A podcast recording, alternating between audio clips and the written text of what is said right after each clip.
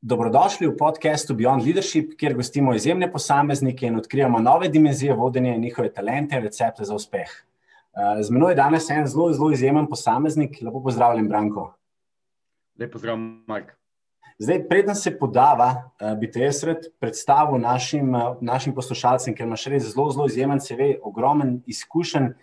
In danes bo tema tekla zelo veliko o voditeljstvu, o, o, o vodi prihodnosti o, o coachingu. Tudi. Tako da, da se kar podati v, v tvoj življenjepis. Se pravi, ti si direktor podjetja Družba za odličnost DO, si lastnik blagovne znamke BMC International, pa mednarodni poslovni trener in coach. Si eden najbolj izkušenih in prepoznavnih poslovnih trenerjev, coachov in svetovalcev v Sloveniji, kot tudi v tujini. V tem svetu si že več kot 25 let, kar je res impresivno. In pol, ker bom, bom šla zdaj le malo na podjetje, s katerimi si delal in kaj si vse razvil. Mislim, da, bo, da se bo ogromno našim poslušalcem prižgala uh, neka rdeča lučka in bojo začeli še bolj poslušati. Um, v letu 2020 si se tudi ti, kot večina uh, izjemnih posameznikov, transformiral in si se specializiral za področje online izobraževanja in pa video treningov, tako da zdaj imaš v bistvu priložnost, da še več, eh, več ekip, več posameznikov, več vodi dosežeš. Um, v letu 2003 in 2005 si prejel tudi globalni certifikat odličnosti v izobraževanju, to nam boš pa tudi malo več povedal. Uvrščen si bil med to predavatelji v Sloveniji leta 2006, 2007, 2008, potem 2009 in pa tudi 2010, tako da čestitam. Uh, izobraževal si vodstvene in prodajne ekipe v najboljših podjetjih na svetu. Zdaj, če gledamo Krapovič, uh, Bristol Myers Squibb, uh, Volkswagen, Renault, Fiat, Honda, Mazda, McDonald's, IBM, Novartis, Lek. Um, Izvajajo si vodstvene treninge in postavitve sistemov vodenja za številna ogledna slovenska podjetja. Tukaj moram res reči, kapo dol, jaz sem navdušen, koliko izjemnih podjetij si imel, od BHS-a, Skaze, Telemaha, Mika Celje, mikrografije do skupine Pivovarne Laško, zavarovalnice Trigov, zavarovalnice Sava in pa ogromen še ostalih. Delal si tudi za prestižno hotelsko verigo na Hrvaškem, Valmar, and, Valmar Hotels and Resorts, kjer si postavil celoten razvojni program Leadership Akademije. Tako da to, to se bo pa absolutno dotaknila. Si pa tudi, delaš pa tudi športnik in zdaj imaš eno mlado damo, ki je ena najbolj perspektivnih uh, slovenskih teniških igralk, uh, Petja Drame, in je pri 15 letih že uvrščena med 100 najboljših igralk v Evropi. Tako da to mi boš tudi malo več povedal. Um, zdaj, tvoje najmočnejše izobraževalno-motivacijski programi so poslanstvo sodobnega vodje, vodja kot trener in coach, kako zmagati v krizi, to je čisto nov program. Um, zdaj pa tudi zaključuješ knjigo Revolucija vodenja, ki zajema vse te tvoje izjemne izkušnje in pa zgodbe, ki bo išla februarja. Tako da, wow, noro. Zdaj, preden, preden začneva, bi jaz reče prebral eno tvojo misel ali pa vodilo, ki se mene zelo dotakne in je res zelo, zelo impresivna. In sicer praviš, posel mojega življenja je mešanica strasti, ki jo delim z drugimi. Zdrave pameti, ki mi omogoča, da se mi ne zmeša v sodobnem svetu in otroške radovednosti, da ostanem v poslu kreativen. Tako da, wow. Super, zdaj pa, zdaj pa peva, ker malo pokukati v tvoje izjemne eh, možgane in izkušnje. Tako da moje prvo vprašanje je zmeri, uh, Branko, če bi bila mi dva sošolca, uh, kakšen si bil v gimnaziji? Si bil že takrat radoveden, otroško radoveden, pa, pa zvedal? Ja, Mark, najprej hvala lepa za tole predstavitev. Sveš, kako pravijo, ne? kdaj si najbližje perfekciji, takrat, ko pišeš svoj CV. Da, zdaj, tole opisal, ne? definitivno se lahko strinjam. Jaz bi ti skoraj lahko prepustil, Mark, da še več pove o meni. Prav fajn mi je bilo poslušati vse to, kar si naštel. Ne? Ampak tako, ko človek vse to sliši, se res potem malo zamisliš in nekako veš, eh, včasih se premalo ustavimo, da bi sploh dojeli, kaj vse smo v življenju uspeli, ker se nam zdijo določene stvari samo umevne. Odgovor na to vprašanje pa, če bi me kdo vprašal ali pa rekel v gimnaziji, kaj bom počel čez 15-20 eh, let, bi mu rekel, a bejšno, bejšno. Mislim, kaj takega, recimo, nisem. Ne, če pogledam, je res, da je mene v tretjem letu, no, v tretjem letniku gimnazije je mene v bistvu zaznamovala, uh, takrat je bil predmet seminarov politična ekonomija, takrat me je ta vsebina zaznamovala, nekako me je pritegnil in tam sem začel potem nekako razmišljati in se razvijati v tej smeri. Ampak prvi, drugi letnik gimnazije, če bila mi dva sošolca, uh, doskrat bi bila na biljardo, pa tudi na piro, pa ne že zjutraj, pol kasneje, pol ne. Uh, vsega tudi ne morem povedati, vseeno se to snema. Ampak tako, ja, radovedni. Ja. Tisto, kar me je zanimalo, tisto sem, bom rekel, se kar potrudil.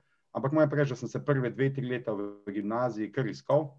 Imel sem, imel sem tole štipendijo za, za nadarjene, mi smo se mal šali, pa smo rekli za udarjene. Uh, ampak tako, da sem mogel neke, ne, neke kriterije sem mogel izpolniti, da sem lahko upravičil to štipendije, ki sem dobival.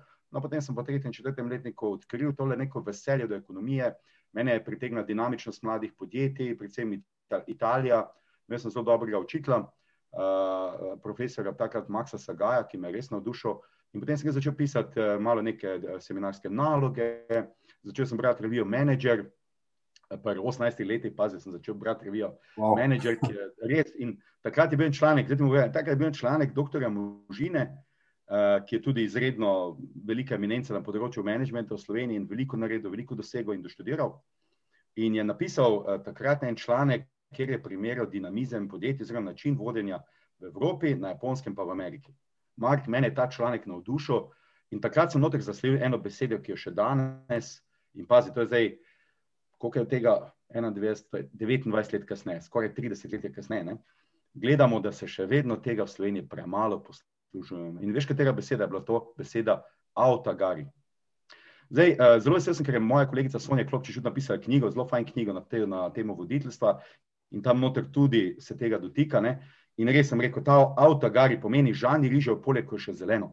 In tam je bilo fascinantno, da so študentje, pazi študentje na fakulteti, ki so jih profesori identificirali kot perspektivne, so posredovali informacije podjetjem in ta podjetja so te študente povabila na večerjo. A si predstavljaš? Super. Povabi wow. na večerjo predsednik Sonja in ti prideš na limuzina, pride po tebe. Seveda ti pove, da se malo zrihtaš, ker te pele v eno ja. fino restauracijo. Tam te pričaka pet možakarjev, ki so odgovorni uh, voditelji oziroma liderji podjetja, se priklonijo, se veš, kako je na Ponskem ta tradicija. Ne? Potem pa ti preživiš uro, dve z njimi, ko so oni s tabo pogovarjali, kako ti razmišljaš o svoji karieri, kako gledaš na podjetje in tako wow. naprej. Mislim, fantastično. Mislim, to, to je, me, ja, res je bil, meni bil wow in takrat sem jaz nekako rekel, hej, to pa mene zanima. Jaz bi pa, jaz bi na področju vodenja, bi pa res rad spoznal, kaj, kako je biti, ja, veš, tisti, ki resni dela ali pa premika, kako bom rekel, čisto enostavno, mogoče premika meje, meje realnosti ali pa meje prihodnosti. Ne? In za me vodenje res pomeni eno tako poslanstvo. No. Zdaj, glede na to, na vprašanje, če bi bil z mano v gimnaziji, prve dva, prve dva letnika bi se imela fajn, v tretjem bi se pa mal začel že odtujevati. No. Zdaj, glede na to, da si bil res z izjemnimi korporacijami in se postavil v ogromen različnih programov, um, pa da si zelo zaposlen, tudi zdaj pripravljaš eh, knjigo, ogromno nekih video, um, webinarjev, daješ vam zanimivih informacij. Me zanima, ali imaš ti kakšno posebno rutino, ali si ti v nedeljo pripraviš plan za, za cel teden, kako, kako, kako tvoj dan poteka, tipičen dan, recimo. Ja, gledaj, sem zagovornik učinkovitosti, ker dejansko to tudi dosti delim za vodje, ki uh, največkrat, recimo, kar pojamrajo, če lahko rečem, je to, da jim zmanjkuje časa za vodenje pa se potem pogovarjamo, pa rečem, lejte, uh, jaz bi rekel takole, kaj če bi si vzeli vsak dan pol ure za vodenje in potem se drži za glavo, joj, pa ne morem, pa branko, pa veš, koliko imam časa, rečem, samo malo. Mi smo zdaj in recimo, da imamo trening, kot imamo v živo dve, dva ja. dni, se ko vi ste zdaj uspeli organizirati dva dni v celem tednu, dva dni vas ne bo, pa mi rečete, da si morate vzeti pol ure na dan. To ne morem sprejeti, da je res. Torej, vse se samo kaj, če se hoče, se da, drži. Ja. No, in potem, seveda, zdaj rečem tako. Moja rutina je enostavno tako, tedenski plan je, eh, bom rekel, alfa in omega, jaz si za cel teden naredim naprej, ponovadi v, ali v nedeljo zvečer, še raje pa v ponedeljek zjutraj, tam nekje med 6 in 7 uro. In potem, seveda, si napišem ključne stvari. Imam tri področja. Prvo področje, kaj tekoče stvari za firmo, torej za BMC ekipo, potem, seveda, so izobraževanje, treningi, delavnice, ki so posebej, potem pa so, seveda, še tako ani uh, povezave, torej mreža, connections, ne, torej uh, tiste, na katerih delaš in neguješ. Tako za cel teden, potem pa ves, vedno to delam pisno. Jaz osebno nisem tako zagovornik teh elektronskih stvari, čeprav imam tale uh, Google, pa vse te koledarje imam že zaradi usklajenosti z ostalimi ekipami in sodelavci, ampak jaz še vedno imam, le, jaz imam to vse napisano, le ti bom pokazal, le imam še nekaj noter, ki si pišem tudi vse ideje za vodenje, le res pišem, jaz sem zagovornik, veš kaj je fajn. fajn je, kako ti zapišeš. To sem se pa naučil, ker sem recimo večkrat študiral tudi te, kako bomo rekel, možganologijo, no, ta, to področje. Uh, jaz sem pač nekako zagovornik tega, da vemo, da nam ogromne energije dan pobere in aktivnosti. In uh, rabiš malo tega, jaz rečem, dopamina, ne, ta zmagovalni hormon. In vedno, ko prečrtam kakšno stvar, in fajn ko imaš napisano, ne, ja, ja. prečrtaš, kaj karkoli, veš, in dobiš malo tistega dopamina, ne, in avtomatsko se majčkan regeneriraš in pazi, če to delaš nekajkrat na dan, ti dejansko nikoli ne zmanjka energije, čeprav iskreno povedano, neko cel teden res daš vse od sebe, je kar potem za me, da v petek ob 18. uri nekako tudi zaključim z maili in do ponedeljka zjutraj do 7. ure, pa do 6.7. ure nisem niti na maile dosegljiv. Uh, sem imel kar malo težav ljudi, ki so se na to morali navaditi, ampak enostavno sem rekel, tako je. Če delam pošteno cel teden, pa ne 40, ampak več ur, potem si zaslužim, da za vikend res odklopim, da se regeneriram, da sem z družino. Ne na zadnje imam kar pet otrok in uh, verjemi, da tudi oni si želijo del mene. In uh, mislim, da je skrivnost vseh nas v poslu v tem, da nekako vemo, kaj je naša prioriteta, da znamo na stran dati stvari, ki niso prioriteta, včasih reči tudi ne, žal, ne moš biti vsem vse. Ja. Uh, je pa fajn občutek, da ti stvari res veš, da si dan izkoristil. Ker uh, zadnjič sem eno, eno prebavanje, glavno gledal tudi na TED Talku, ne, ko je en tip naredil eno fantastično zadevo, dal je gor naše življenje na enem slajdu v tednih. Ne, v tednih, veš, in je rekel, to je zdaj 190 ja. let. Pazi, to je 4500 tednov. In to je bilo na enem, to so bili kvadratki, in jaz sem rekel, to je vaše življenje. In potem sem jaz naredil še korak naprej, sem rekel, ok, jaz sem zdaj 46, da vidim, koliko je to in sem tiste dal rdečo. Ne? Ti povem, da sem se kar mal zaskrbel, sem rekel, če bom 90 doživel. Ampak, ko vidiš, da je ni več toliko ostalo, si misliš, presneto, ne, vsak kvadratek šteje. In ti iskreno povem, da sem dobil kar mal več eh, še spodbude, da, da še bolje izkoristim čas, čas, ki ga imam, ki ga imam na voljo. No? Ful, dobro, hvala. Deva se, deva se res dotakniti, če imamo teh večjih korporacij. Da me zanima, delo si za, za Krapovičem, s Volkswagenom, Renaultom, Honda, Mazda, McDonald'som, IBM-om, Novartisom, pa še mnogimi drugimi. Kako pa zgleda, recimo, sploh, ki ti prideš v eno podjetje? Kaj, kaj je prvi korak, ki ga narediš? Kako zgleda tak nek proces, recimo, transformacije, pa da ti dejansko nadgradiš znanje, vodi pa dvigneš uh, raven? Kako? Da nam malo piš, prosim. Glej, ključno je, seveda, da na začetku, ko se spoznamo, ponavadi zdaj, seveda, glede na to, da imam že nekaj kilometrov, ljudje nekaj že vejo, nekaj so že slišali.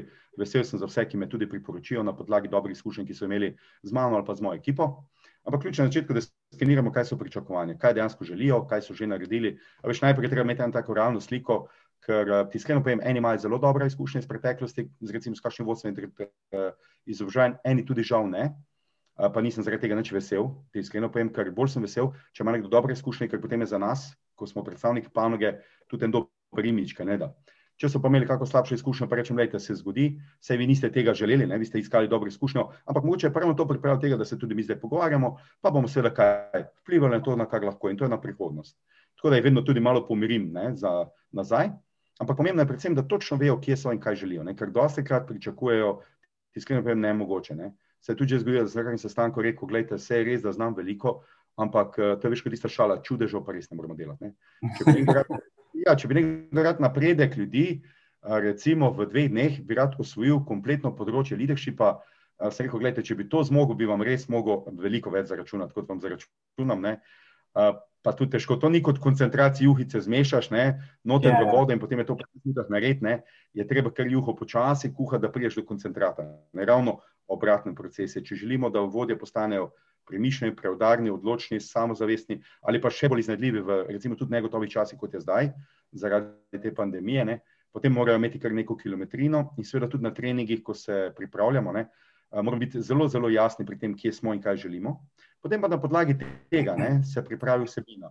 Zdaj postopek priprave vsebine je zelo enostaven. Ne. Tega sem se naučil že zelo zgodaj, ker sem tudi učil na fakulteti v Mariboru.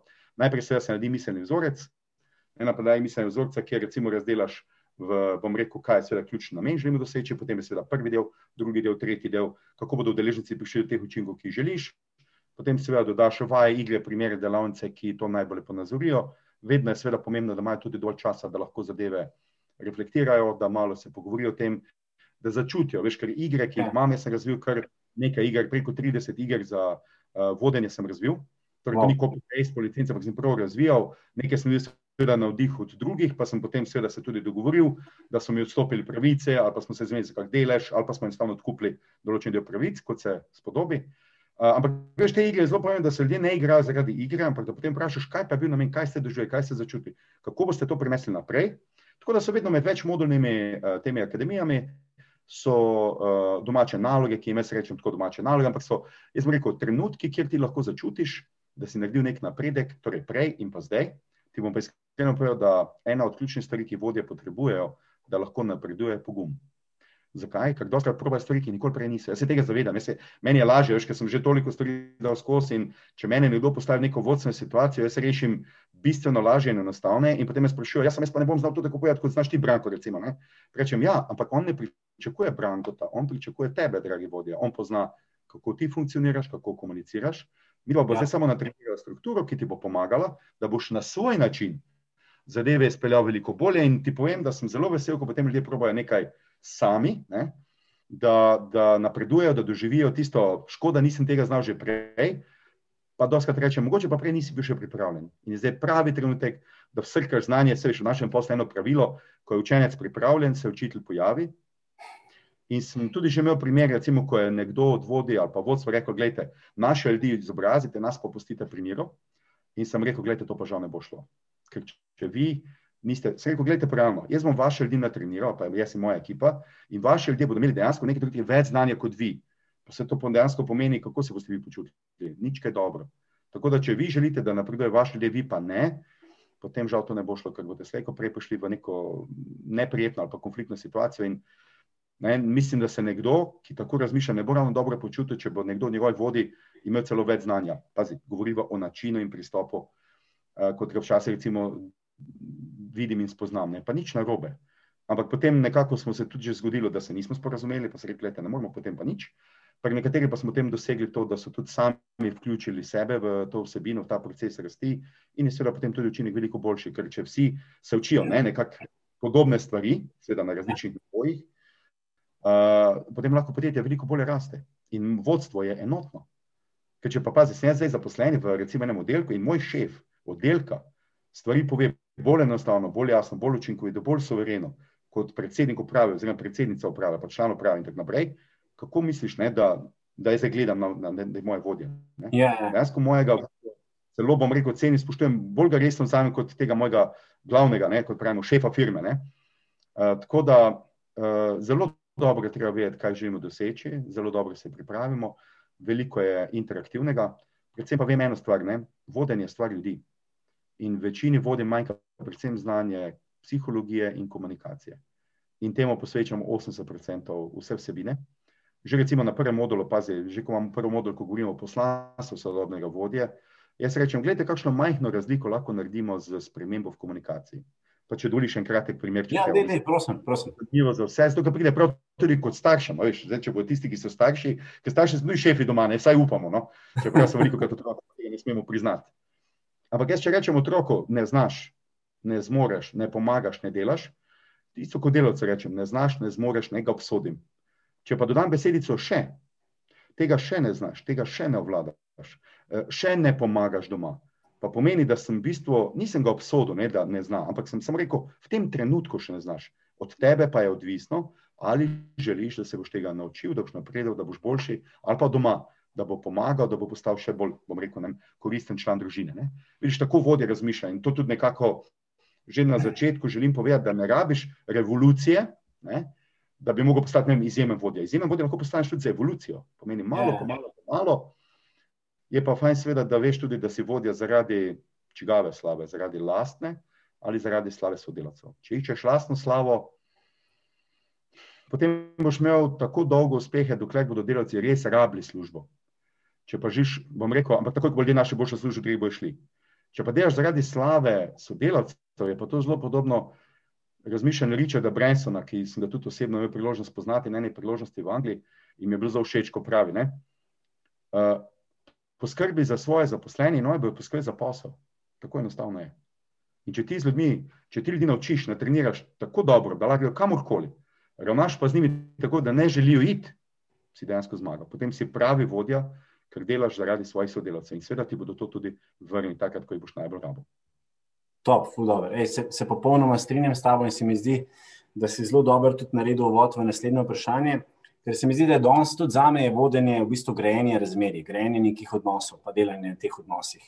Tako da ti, ti si imel priliko spoznati ogromen različnih direktorjev, predsednikov, prav, vodi na različnih položajih iz različnih industrij.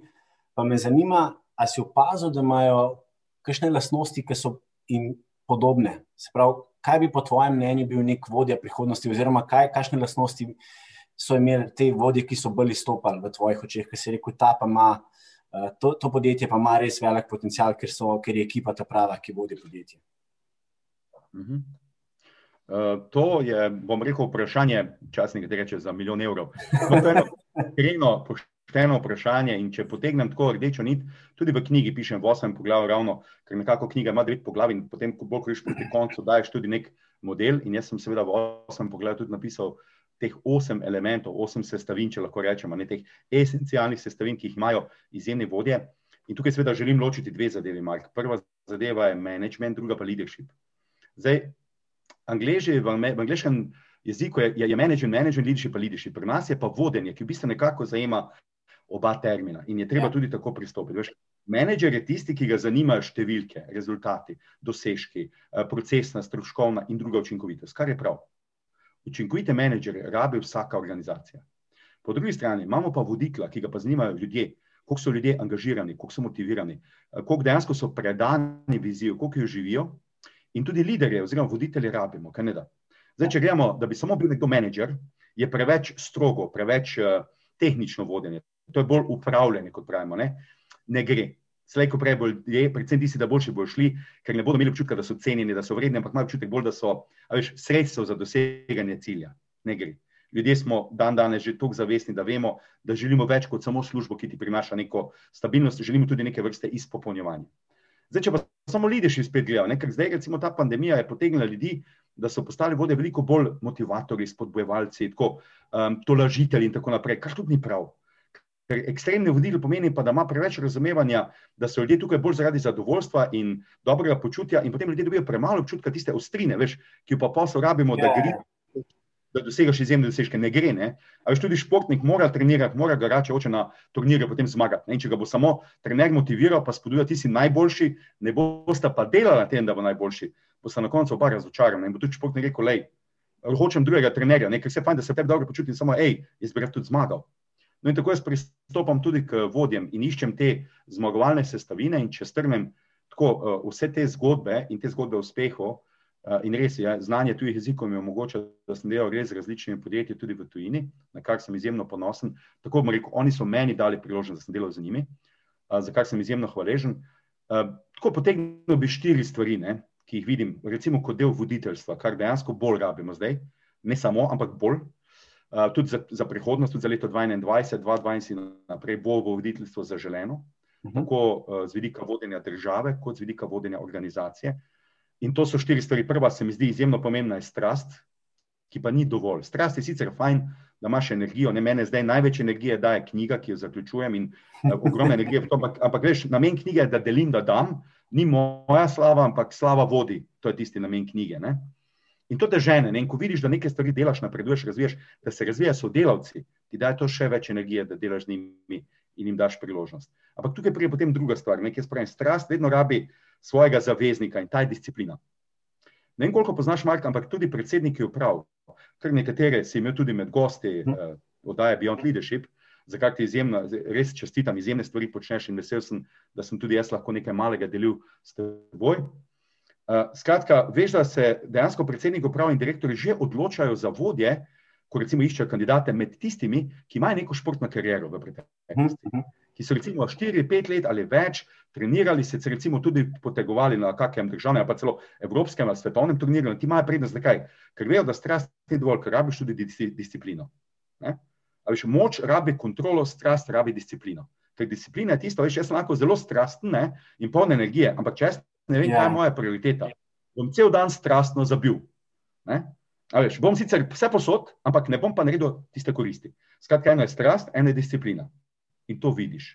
Jaz recimo že, ko vidim, ko se dogovorim za sestanek, vidim, kako se drži ure sestanka, kdo vse je prisoten, a so pripravljeni, niso pripravljeni. Veš, že iz teh stvari, ne, že iz načina, kako jaz imam prvi sestanek z eno ekipo vodi, ne, oziroma direktorjev, vidim, kakšen način uh, v okviru teh štirih stvari, ne, kakšen način dejansko imajo. Ne, ali so bolj striktni, ali so bolj sproščeni in tako naprej. In seveda v temu primerno prilagodiš tudi način uh, komuniciranja in sodelovanja. Ampak te štiri stvari so esencialne, ne, strast, disciplina. Potem sta pa še dve ključne. Ena je pogum. Mogoče bi celo slovensko uporabil besedo korajža, se mi zdi še boljša na no, pogum. Uh, a veš, da sploh poskusiš kaj novega? Ja. Ker iskreno, včasih sem tudi skompelal stvari, ki sem rekel, gledaj, to je pa čisto nov program, nimam še nobene reference, da bi rekel, da res deluje, vem pa, da vse, kar smo razvijali, smo razvijali na podlagi tega, kar deluje, ampak smo dodali še nekaj novega. Torej, vidiš, ne, če imajo pogum, da probaj kaj novega, In sve to vidiš tudi na izobraževanjih, ne po izobraževanju, koliko so novega, kar so se naučili tudi uporabljati v praksi. In četrta stvar je ponos. Pomeni, da smo iskreno ponosni na to, kar smo dosegli, in da so tudi vodje ponosni na to, kar so dosegli njihovi sodelavci, in da po principu TDI ne takoj direkt iskreno znajo sodelavcem to tudi povedati. Ampak ne da čakam na mesečno poročilo, mesečni sestanek, kvartalno srečanje, piknik, zaključek yeah, ja, ja, leta yeah. in tako naprej. Ime treba povedati takoj. A si predstavljaš, kako bi se počutil športnik, ali pa ne bom rekel šali, no vse več. Včasih reče, ljudi ne smeš preveč hvaliti, ker se bolj poslabšajo.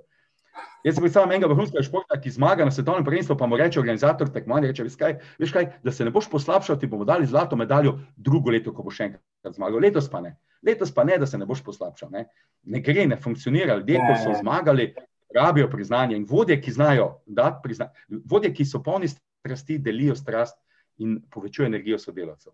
Vodje, ki so disciplinirani, dajo sredstvo delavcem, da so tudi oni disciplinirani, da se držijo prioritet, da si planirajo, spremljajo svojo učinkovitost in podobno. Vodje, ki imajo pogum, seveda, predvsem zdaj v teh časih, v 2020, mar se zelo vidi, vodje, ki imajo pogum, so v nekem trenutku prevzeli odgovornost in so rekli, tako in tako in tako bo, brez da bi bila neka demokracija, pa nisem zagovornik avtokratičnega vodja, ampak tukaj, v tem trenutku, pa so morali vodje potegniti avtokratično in tu rabiš pogum in seveda veliko odločnosti, ja. da so sodelavci potegnili za sabo. Ne? In če potem na koncu nimaš ponosa, ja, hudiče, pa se res vprašam, ne, kakšna je potem sploh vizija ne, ne, nekega vodstva, ne, če nisi ponosen. Ker če ti veš, da si nekaj dosegel in si bliže viziji, pa to je še samo razlog več, da si ponosen in da čim prej narediš, bom rekel, eno tudi neformalno druženje sodelavci, da si iskreno čestitate za trud, ki ste ga vložili in se ta je obrodil sadove. Tako da te štiri stvari, ne, strast, disciplina, pogum in ponos.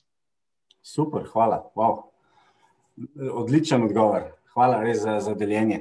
Um, Deva se malo dotakniti. Um, ena stvar, ki je meni tudi blazno fascinantna in se mi tudi presep uh, probo zelo kontrolirati in se učiti, je tudi ego.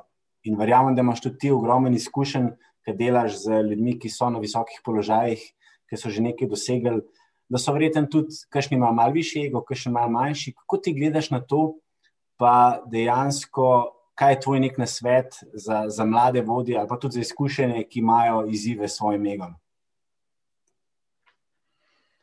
Ja, ego je neizogibno sestavni del vodenja in je dobrodošel za vodje. Če si iskreno, ker ego, njegova osnovna funkcija, ne z vidika psihologije, je, da te seveda brani, da te čuva, da te varuje. Je pa seveda potem problem v tem, če je preveč obrambni, če je preveč tako zaščitniški, nekaj potem lahko druge tudi tišči dol ali pa jih odriva ali pa jim zmanjšuje vrednost ne, na račun ohranjanja lastne vrednosti. Tako bom rekel, tisti, ki imajo zelo razčiščeno, zakaj so vodje, nimajo zdaj gotovo nobenih težav.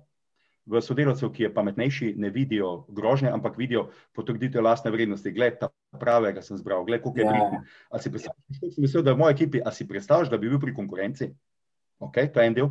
Drugi del, ljudje, ki imajo, eh, bom rekel, zelo jasno vizijo, kaj želijo doseči, jim je ego zaveznik. Zakaj? Ker se zavedajo, da sami ne zmorejo vsega in da je edini način, da bodo dosegli, sploh če je vizija drzna in če želiš pritegniti talentirane, sposobne mlade ljudi v firmu danes, moš imeti tako eno res uh, ambiciozno vizijo, mora biti vizija privlačna, mora biti ambiciozna, mora biti tako, a veš, da potegne. Ja.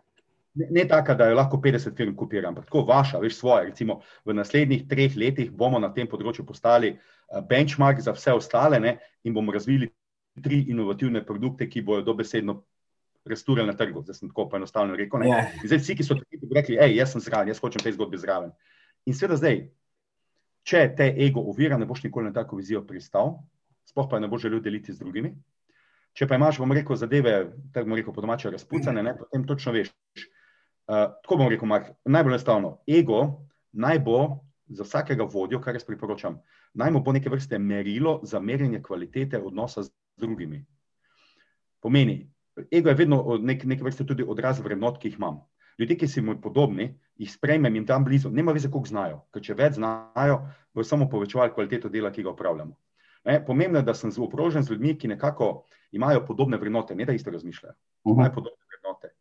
Uh, ker včasih tudi malo, jaz to opozarjam, ne, nekdo, ki samo kima, pa se z vsem strinja, ne vem, če je ravno pravi ali pa pripadne podjetju.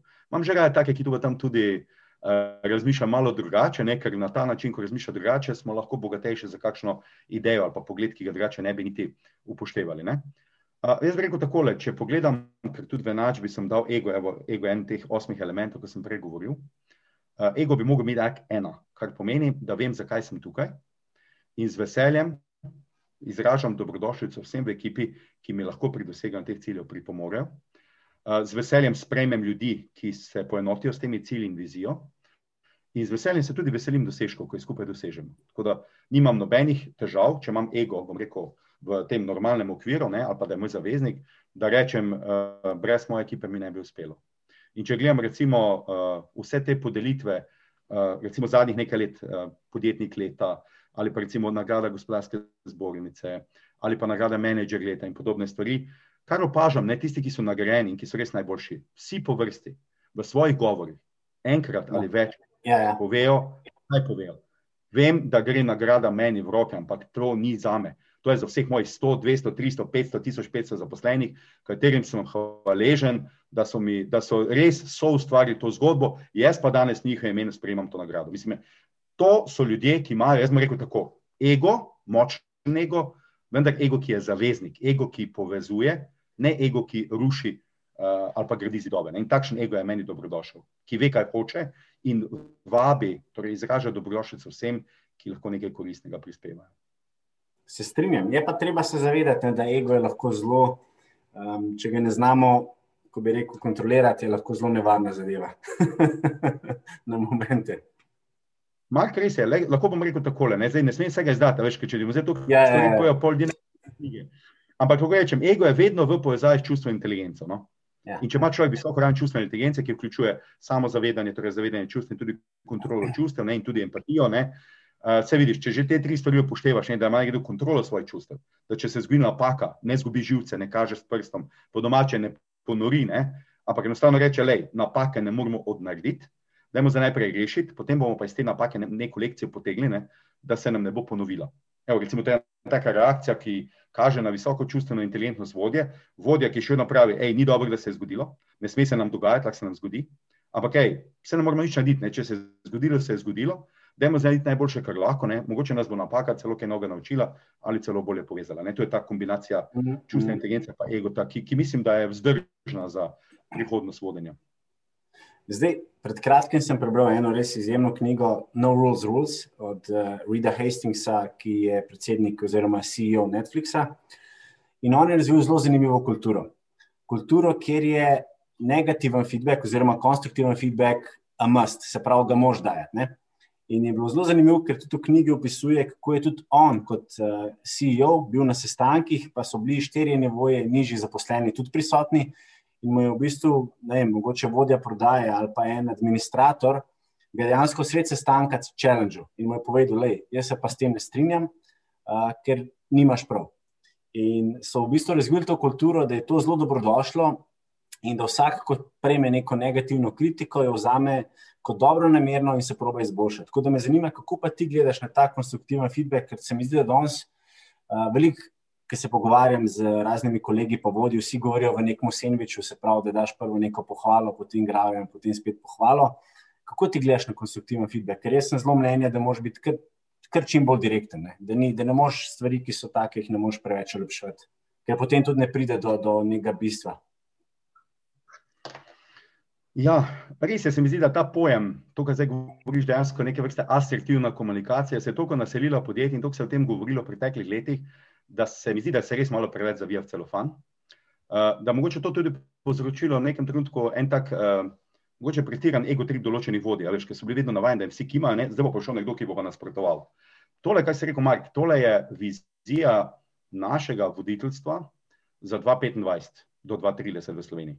Jaz mislim, da v tem trenutku večina vodi, pa ne samo, da ni, spre, ni pripravljen sprejeti uh, nekega takega konstruktivnega feedbacka, ne, ampak nimamo še kulture v podjetjih razvite takšne, ki bi v bistvu to sprejemala kot nekaj normalnega.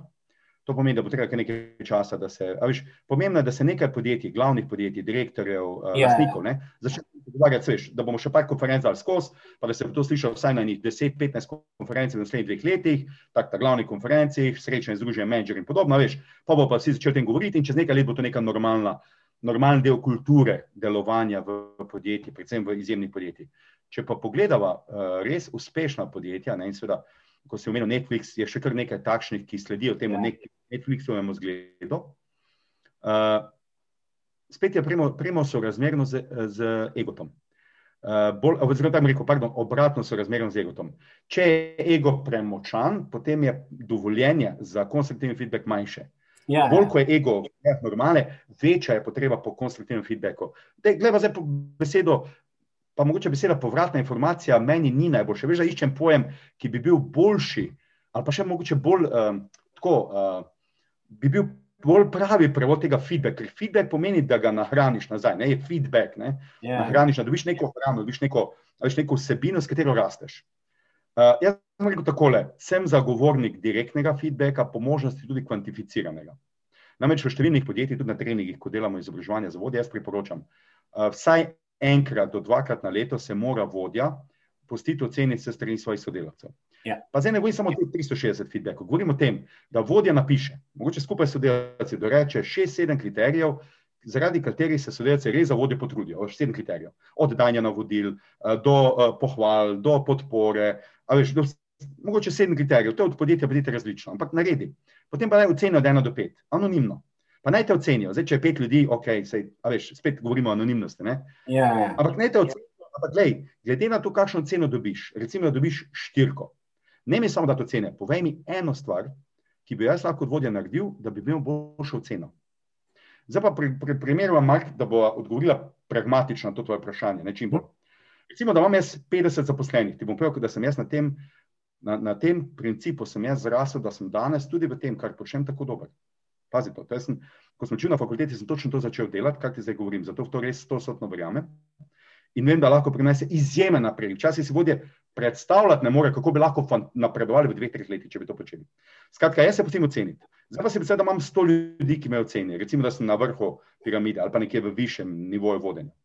In meni od sto ljudi 75 pove, da sem pri dajanju navodil, recimo dvojka, poprečna cena, da je 2,4, da sem premalo jasen, da prehitro povem, da ne razložim, da ne vprašam in da se doskrat potem kaj stvari naredijo na robe.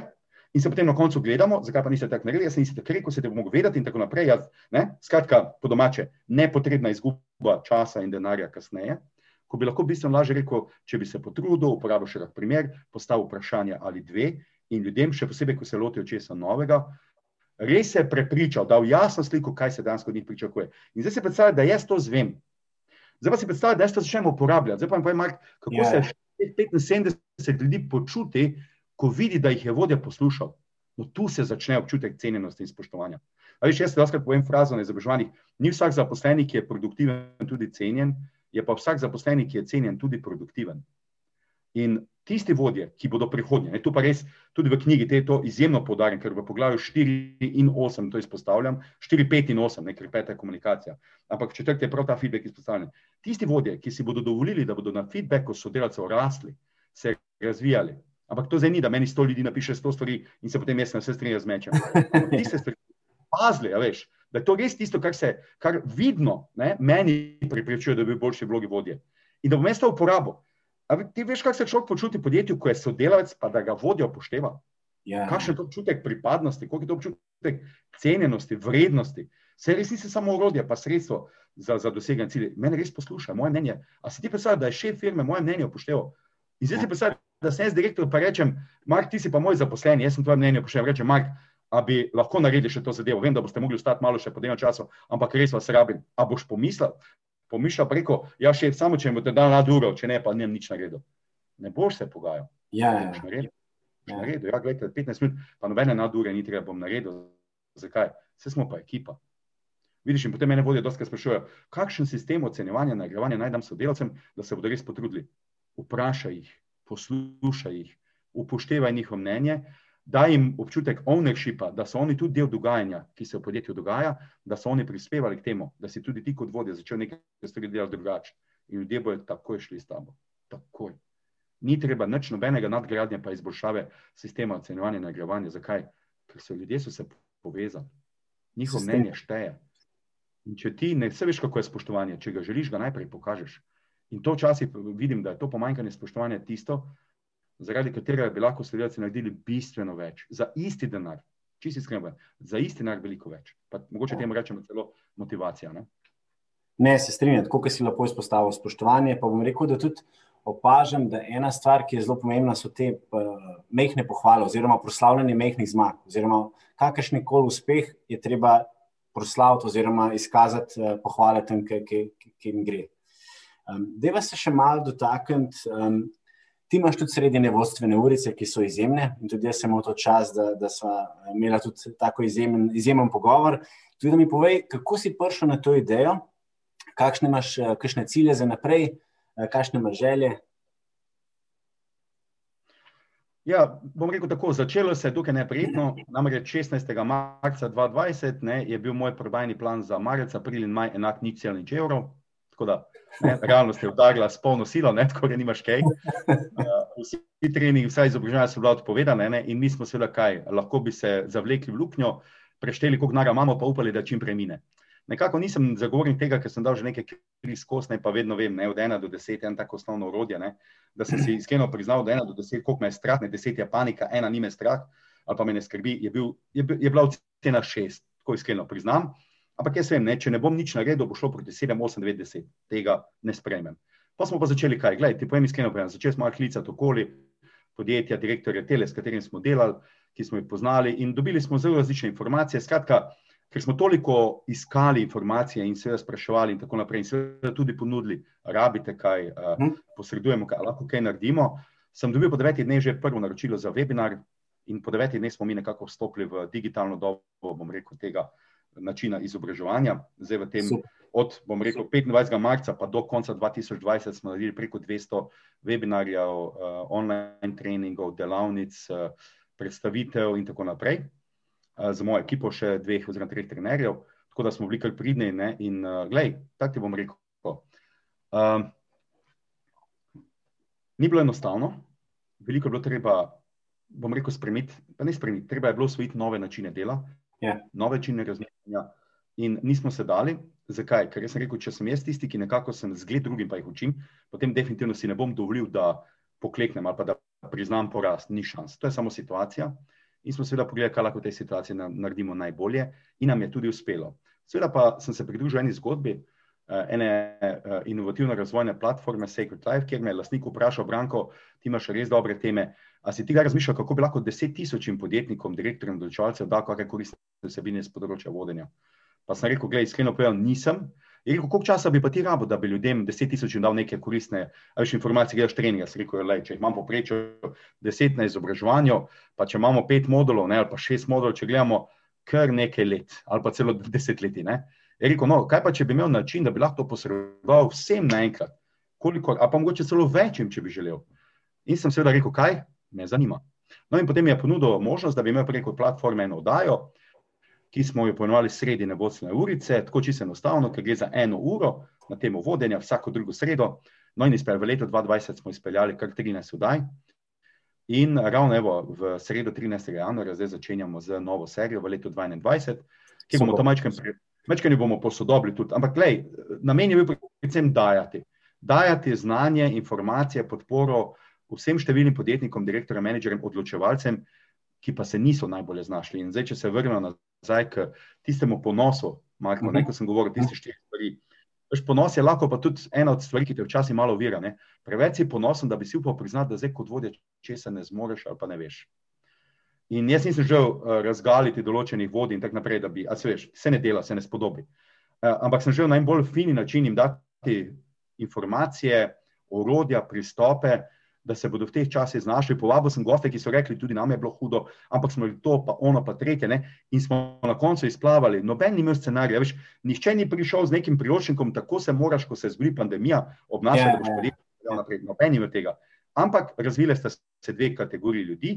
Eni, ki so rekli, probajmo, pa da vidimo, se bomo v hodu učili in se razvijali, ne bomo se dali, drugi pa bomo videli, kaj se zgodi, bomo počakali na druge, pa bomo kasneje sledili. Zato sta se tudi izoblikovali dve vrste podjetij. Eni, ki so nosilci ne, razvoja in dogajanja, drugi pa sledilci. Tudi na robe, ni, če si sledilec. Ne. Če si učinkovit sledilec, lahko včasih kako idejo še izboljšaš, narediš, ne, ne ja. delaš toliko napak.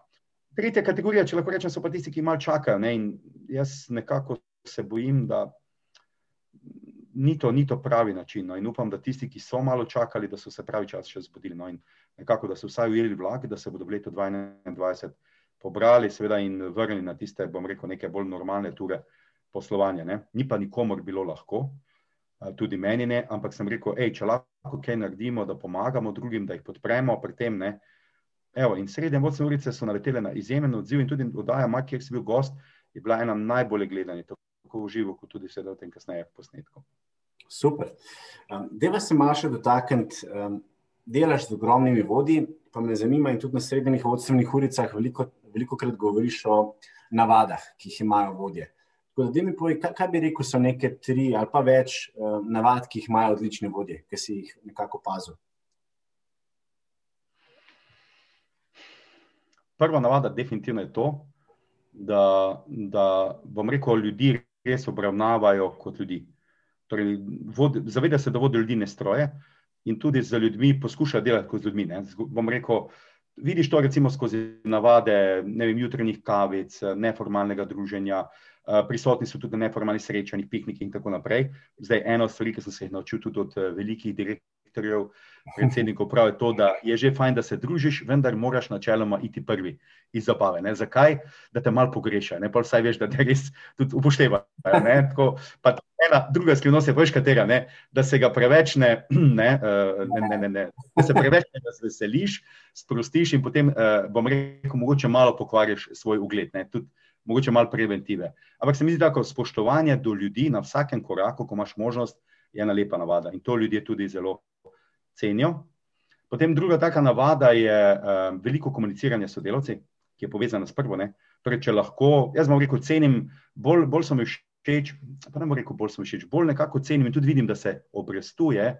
Um, direktor je predsednik uprave, predsednice uprave, tiste, ki grejo med ljudi, ki so vsaj enkrat tedensko med ljudmi, kot časi rečemo v proizvodni hali, grejo po pisarnah, grejo do ljudi. Ker se veš, noben ni ravno sproščen, ko pride v direktorjo yeah. Ja, ja, ja. pisarno, predsednika uprave in tako naprej. Če pa pride on do njih, pa v bistvu jih obišče na domačem terenu. Ne? In takrat se lahko malo tudi pošali, uh, deli kakšno informacijo, kaj izve. A veš, ne gre za to, da jih preverja, kontrolira.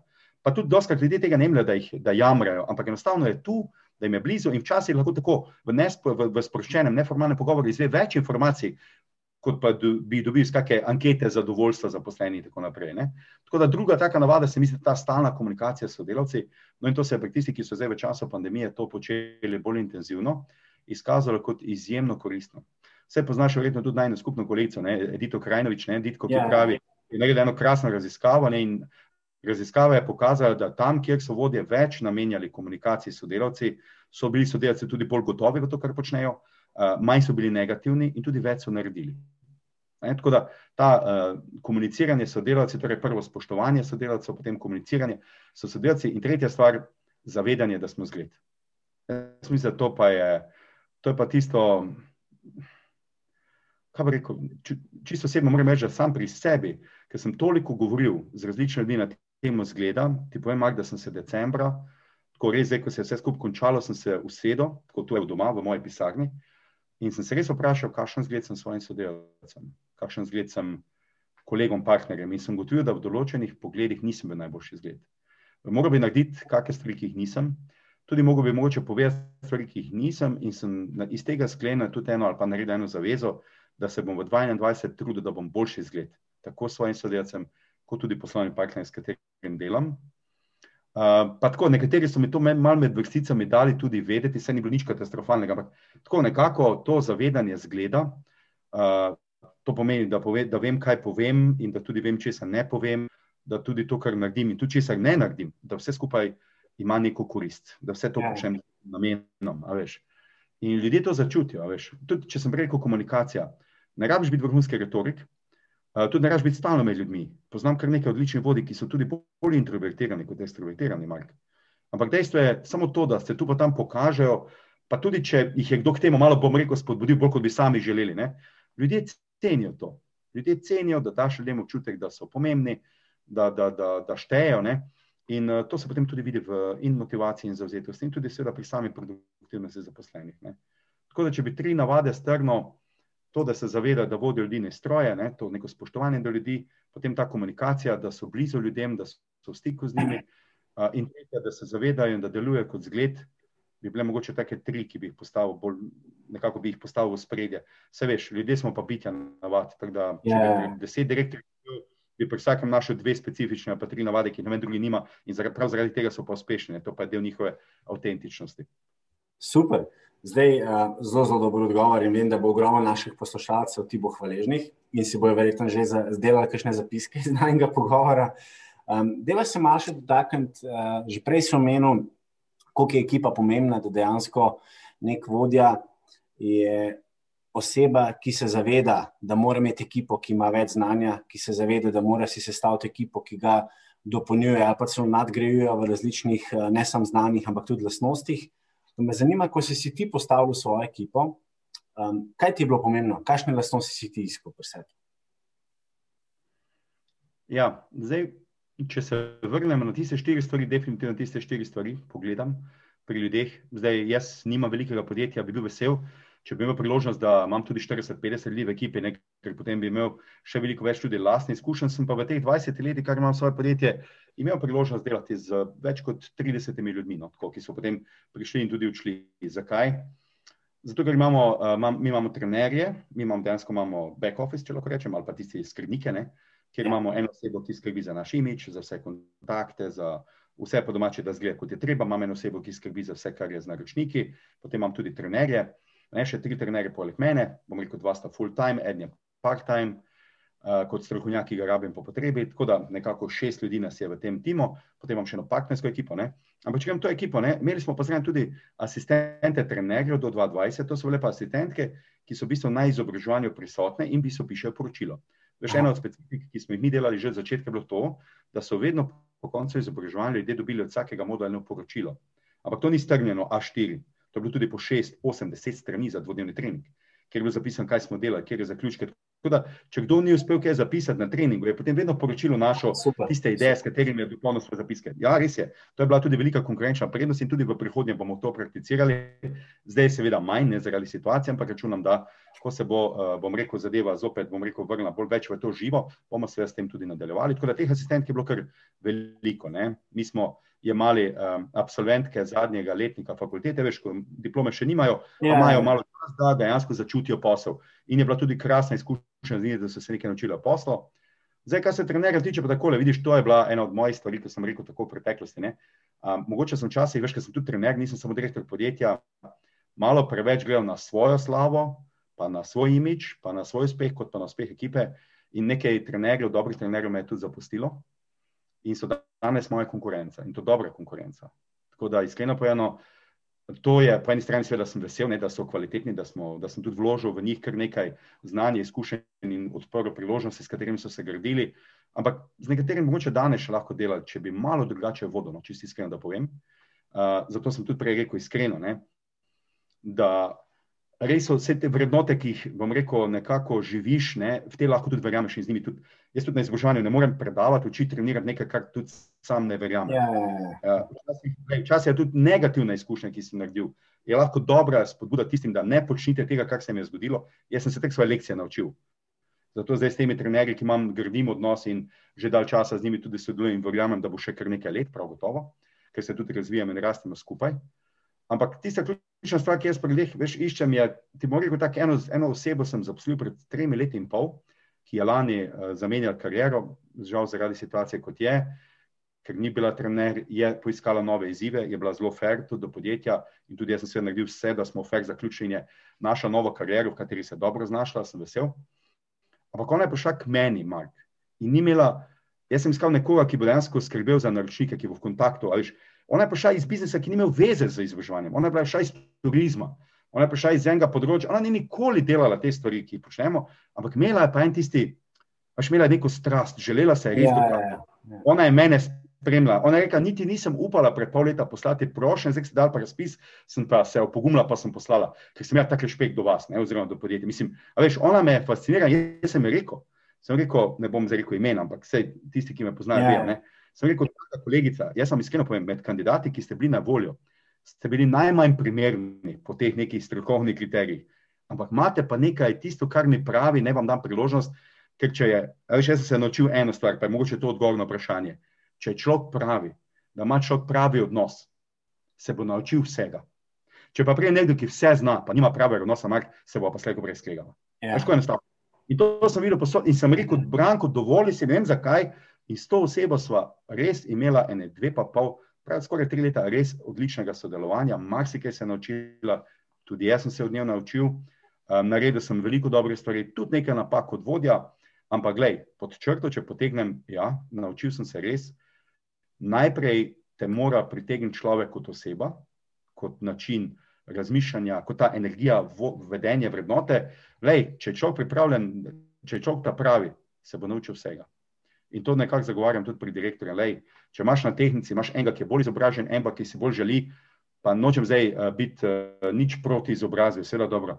Ampak tisti, ki si bolj želi, ki hoče, se bo naučil vsega. Tisti, ki se pa preveč zanašajo na to, da že marsikaj dosego, pa lahko kvečemo pride. Pride bolj podjetje in reče: Jo, samo tam smo mi to drugače, tam smo mi pa to boljše urejeno. Na koncu, verjemi, sem že videl veliko primerov, ko so se ljudje skregali. Najboljši je bil vseh, ampak, veš, vedensko niso, ni, yeah. Ja. ni, ni pasal z ekipo in enostavno to ne gre. Ljudje smo ljudje in ne moramo delati mehansko. Kemija se mora razviti in če se kemija ne razvije, tako da jaz najbolj prisegam na to kemijo. Eh, če pa iščem že nekoga za vodenje, pa definitivno presegam na strast, disciplino, ponos in pogum. Definitivno te štiri stvari iščem. Se strinjam in to ti bom malo skopiral, ne se hecam. zelo, zelo dobro si povedal. Mark, lej, eno stvar sem se jaz naučil. Ko znanje delimo, se znanje povečuje. In če bi se v Sloveniji tega držali, da ne bi vrtičkali, ne, znotraj, pazi, znotraj podjetij včasih ne želijo deliti. A si predstavljaš, en šef, yeah.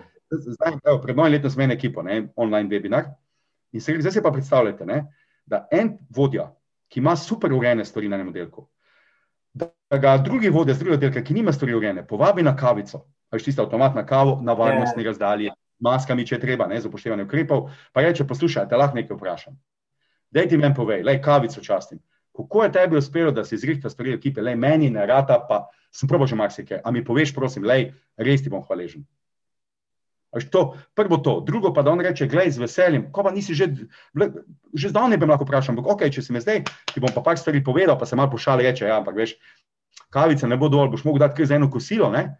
Ampak veš, in da se na tak način malo pošalite, ampak potem pa en ja, vodja ja. drugemu naredil, drugi se od njega uči, postane boljši, ampak na koncu, Mark, se pa ima ta isti dres gor, če lahko rečem, imaš športno, se ima ta isto majico, sprede isti logotip podjetja. Ja pa hudiče, če pomagam njemu, se pomagam tudi sebi. In če vem, da nimam vredu in prosim za pomoč, če bom jaz boljši, bo oba boljša. To, to je ena od tistih stvari, ki mislim, da nam v Sloveniji še predstavlja en velik izziv, je pa tudi velika priložnost. Res. Se mi pa zdi, da, no, da, da se je v zadnjih parih letih, da se čuti neka sprememba, da je več povezovanja, več neke odprtosti. Uh, Deva se še malo dotakniti um, ene zanimive teme. Uh, ti si mednarodni poslovni trener in coach, in to je tak nek hot topic, se mi zdi, bil v letu 2020, pa verjetno bo še bolj v, v, v današnjem letu. Um, kako ti gledaš na to, ker se pravi, danes se mi zdi ogromno nekih coachov, od life coachov do business coachov, tudi jaz imam, imam coacha in sem absolutni zagovornik, da coacha bi mogel imeti vsak. Uh, v tujini je to že kar nek standard, da ima vsak uh, vodja ali pa upper ali pa si level manager nekega coacha. Kako ti gledaš na to in če si opazil, da v tvoji bogati karieri, ki je več kot 25 let trajala, oziroma še traja, če si opazil porast popraševanja, da je več popraševanj za, za coachem oziroma za trenerjem? Ja, bom v dveh delih odgovoril. Prvi del je ta, definitivno se strinjam in verjamem, in tudi sam, prisega na to, da ima vsak svojega coacha, predvsem, če želiš v življenju nekaj doseči. Ja. Ker najpomembnejše dejstvo je, če ti če ti recimo na nekem področju želiš doseči nekaj izjemnega, moraš doskrat iti izven okvirov tega, če mu rečemo znano ali pa standard. Ne?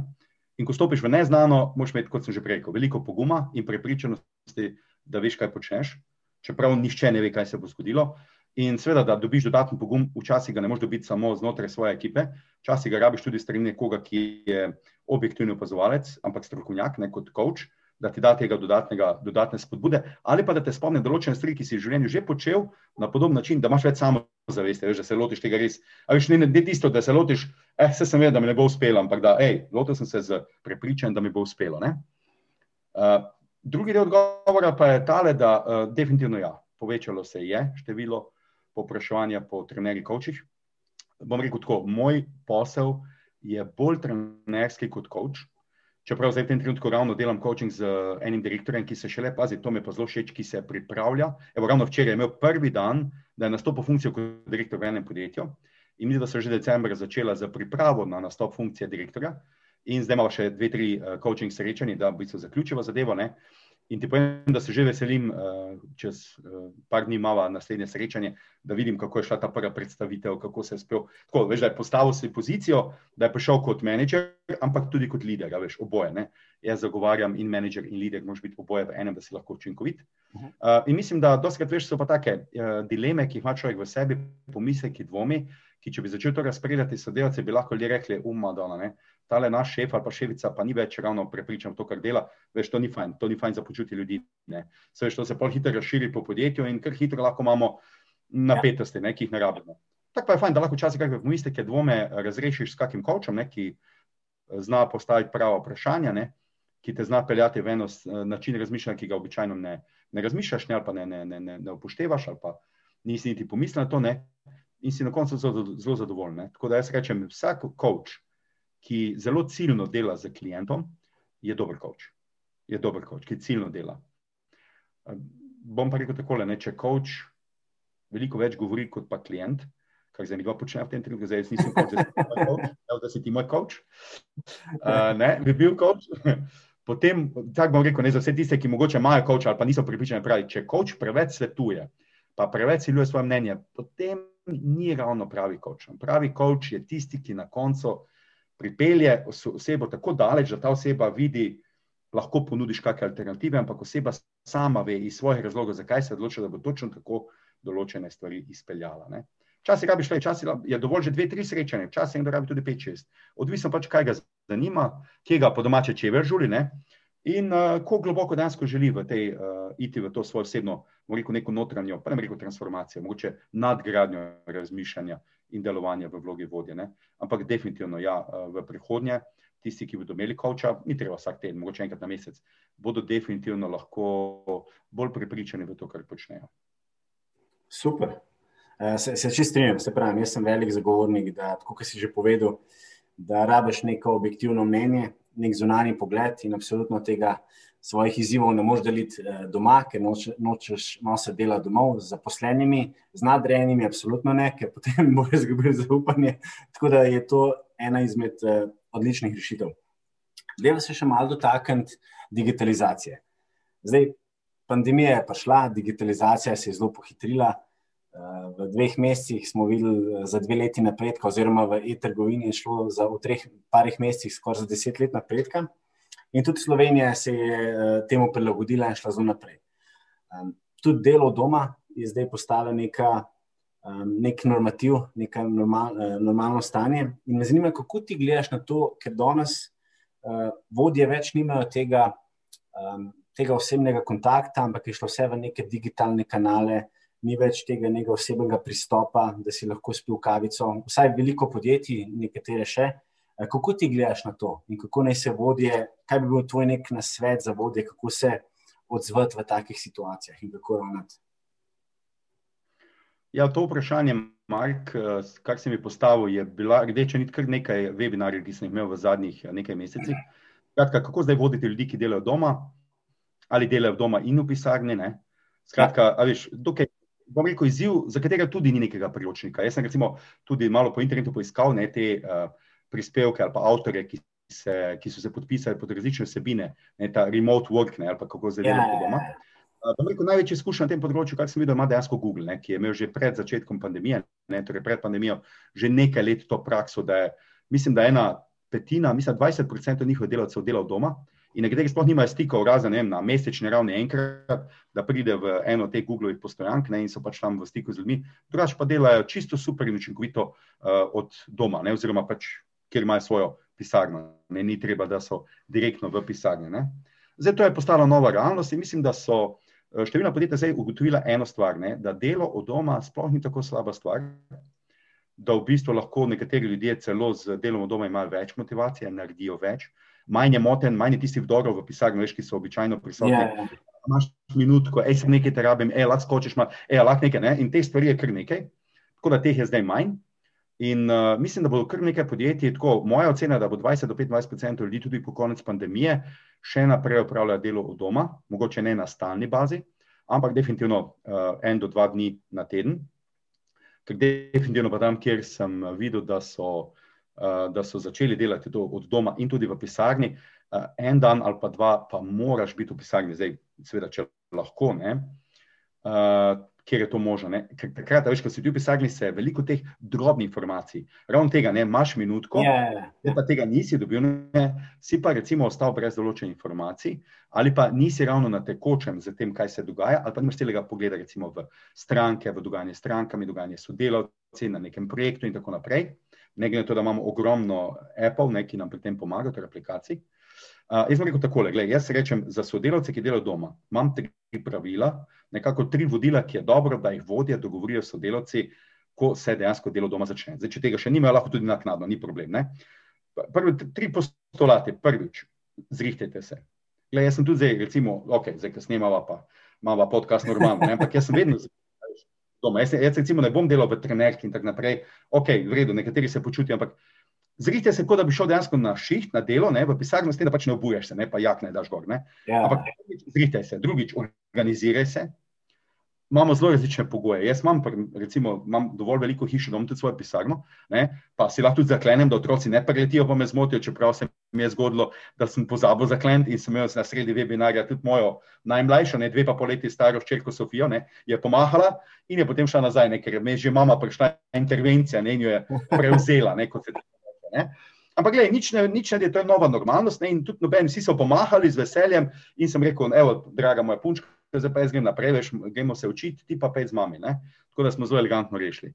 Ampak, gledaj, če ti nimaš doma določenih prostorov, jaz vem, da eni imajo otroke, eni imajo partnera, eni imajo prostor, eni imajo stanovanje, imajo sosede. Skratka, gledaj, tudi če ne moreš 8 ur normalno delati, si zorganizirati, da boš imel mogoče štirikrat na dan, pa po pol ure, pa 45 minut, pa uro, veš, ali pa pol ure, pa 45 pa uro, ne, ko pa lahko imaš mir, ne, če imaš malega otroka, ko gre otrok spat, ali pa moče partner prevzame, ali pa on dela do povdne več, ti delaš popovdne več, ne, da si razdelite otroke, eh, kdo je z njimi v šoli in tako naprej. A veš, pač glede na to, kar imaš, eh, vsak rabi kak teden, dva, da ujame tisti pravi ritem, ampak če vodja sodelavcem dogovori, da imata dva tedna, da, jameta, da ujameta pravi ritem, čim boljše organizacije, potem po dveh tednih pride ta model učinkovitega dela v doma nekako na površje. A veš, ker modela ni, enotnega modela, ki ga za ja. vse ni. Treba je izhajati iz prakse in preloviti maksimalno, kar lahko. Kakršno koli posiljevanje streljcev, da on more zdaj ne vem kaj, ne bo šlo, ker bo vneslo nemir. Tako da izhajaš iz tega, kar imaš, torej zrihtaš se, organiziraš se in predvsem je pomembno, da si čim bolj koristen. Tu je pa zdaj prišla ena taka novost.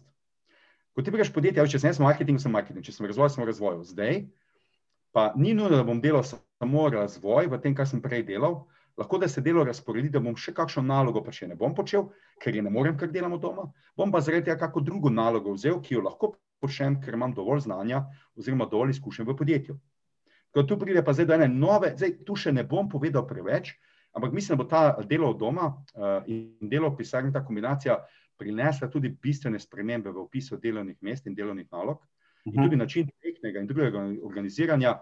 Jaz mislim, da bo, to, da bo tukaj velik premik, da bomo v naslednjem letu, torej v tem letu in naslednjem letu, prišli do novih načinov organiziranja dela, prav na račun tega, da kar se dela v doma, kar se lahko dela v doma učinkovito, in glede na možnosti, ki ljudje imajo, in seveda, kar se lahko naredi v pisarni učinkovito ne, da se bo naredil en tak hibrid tega, veš, tak hibrid. Ja. tega dela v domu, v pisarni.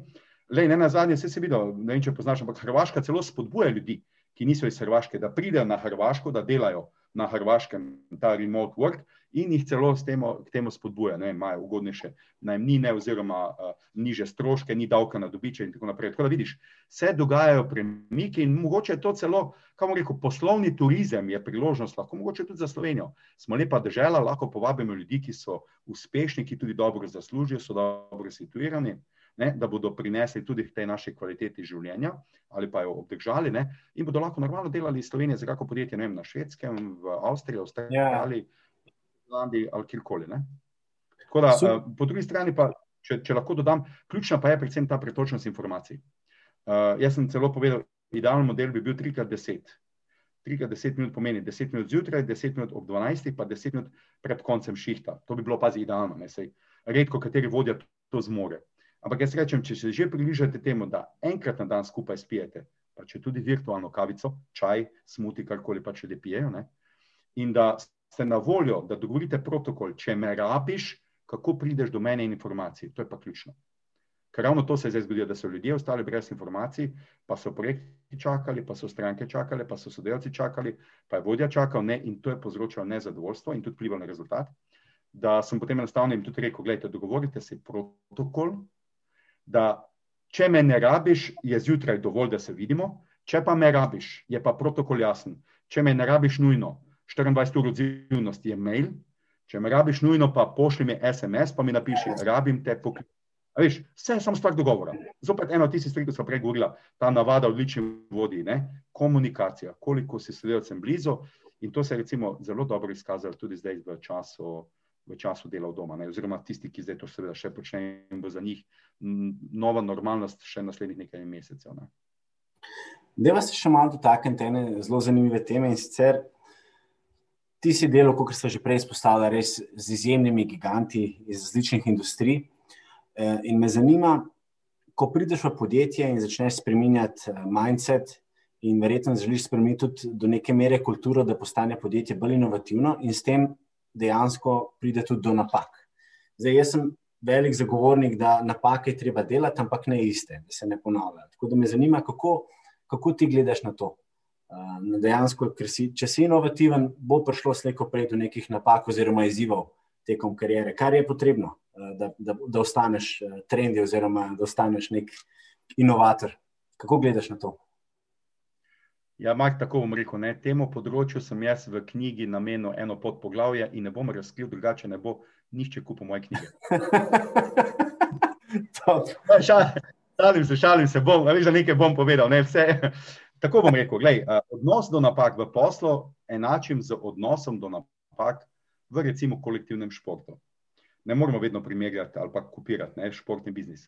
Ampak recimo primer košarka. V košarki, če se zgodi napaka, kaj, na, kaj se zgodi. Sodnik zapiska, igralec dvigne roko in ali je žoga strani, ali pa prosti meti za nas protomoštvo. Zdaj pa pogledaj, recimo, ne, ker se je zgodila napaka, se igra ne ustavi, oziroma igra je, ampak tekma ne, tekma gre naprej, kaj ne da. Ja. Potem druga stvar. Lahko da je celo napaka, recimo, da, je, da sem jaz kot košarkar ekipe ne, naredil napako po domače, ne, da sem uh, fauliral igralca, ki je imel ziger dve pike. Pa je potem metal dva prosta meta, pa celo enega zgrešil ali pa oba in smo na koncu za en koš zmagali. Recimo, lahko da je bila ta napaka usodna, da smo celo zmagali. Uh, Rekel bom takole, ne? in v knjigi lepo pišem, všeč mi je en predsednik uprave, ki je bil zagrizen košarkar in je koncept petih osebnih napak unesel v svojo vodstveno ekipo. Zakaj? Ker je ugotovil to, kar številni vodje še vedno danes, kljub temu, da to o tem govorimo pa Mark, ti dobro veš, pa si že veliko krat to povedal, pa tudi jaz, pa številni drugi. Ne? Napake so sestavni del posla, napake naj bodo lekcije, naj se zgodijo, ne dogajajo, sprejmete jih, pa še vedno je napaka stigma. Ljudje se bojijo priznati napako ne? in seveda, ker tega ne priznajo pravočasno, pride potem do česa. Da se veliko več časa in živcev in nara porabi za odpravljanje napake, ki bi lahko rešili, bom rekel tako, v pol ure, ne? pa se pa tri ljudi ukvarjajo s tem tri dni. Uh, zdaj, kako to spremeniti? Zelo pomembno je, da v protokol ali pa rekel, neka pravila, vodila, vrednote, odnos do napak postane način razmišljanja, ne samo uh, lepo napisan, uh, ne, lepo napisan uh, vodilo ali pa modrost na neki steni, ne, uh, ampak dejansko to postane del življenja. In mislim, da je ključno, da damo ljudem, recimo kot je dal ta predsednik en bonus napak, ki jih ljudje lahko naredijo, nič se ne zgodi, le napaka se je zgodila, ključno je samo, da jo priznaš. Ne? To je ključno in ne priznavanje napak. Pazi, ne priznavanje napake se šteje kot napaka. To je pa, pa malo drugačna misel. Yeah. Torej, napaka zgodi, je prava napaka to, da o napaki nisi nikogar obvestil. Ok, če si jo rešil, tudi prav, ne še toliko boljše, ampak če bi se lahko napaka zgodila še nekomu drugemu, pa tega nisi delil, pa, se, pa se potem nekomu kasneje zgodi zadeva, ki se ne bi rabila, če bi ti lekcijo iz napake, ki si jo delil z njim ali pa z njo, to pa je prav napaka. No in taka kultura, tudi to je priložnost za, za, za prihodnost. Ne? Ker ja, napake so, napake bojo, um, sprejmemo jih kot nekaj, kar je lahko dobra lekcija, ampak ne za figo v žepu. Ne za figo v žepu. Doskrat so ravno to, ne? najbolj glasni direktori, pri nas so napake za življenje, pri nas so napake dobrodošli in tako naprej. Kaj pa vem, mene to doskrat spodbudi k temu, da malo podvomim, ker tisti, ki resno napaka uspevamo, tega ne opevamo preveč. Veš, rečemo, smo yeah. Ja. naredili napak, smo se jih naučili, ampak temu ne bi, prisob, ne bi pozornost posvečali. Veš zakaj? Ker če se ljudje preveč obremenjujejo z napako, potem jo tudi več naredijo. In če so napake res sestavljene, potem je to nekaj normalnega, ne? potem tega ne izpostavljaš, ne da, če je nekaj normalnega.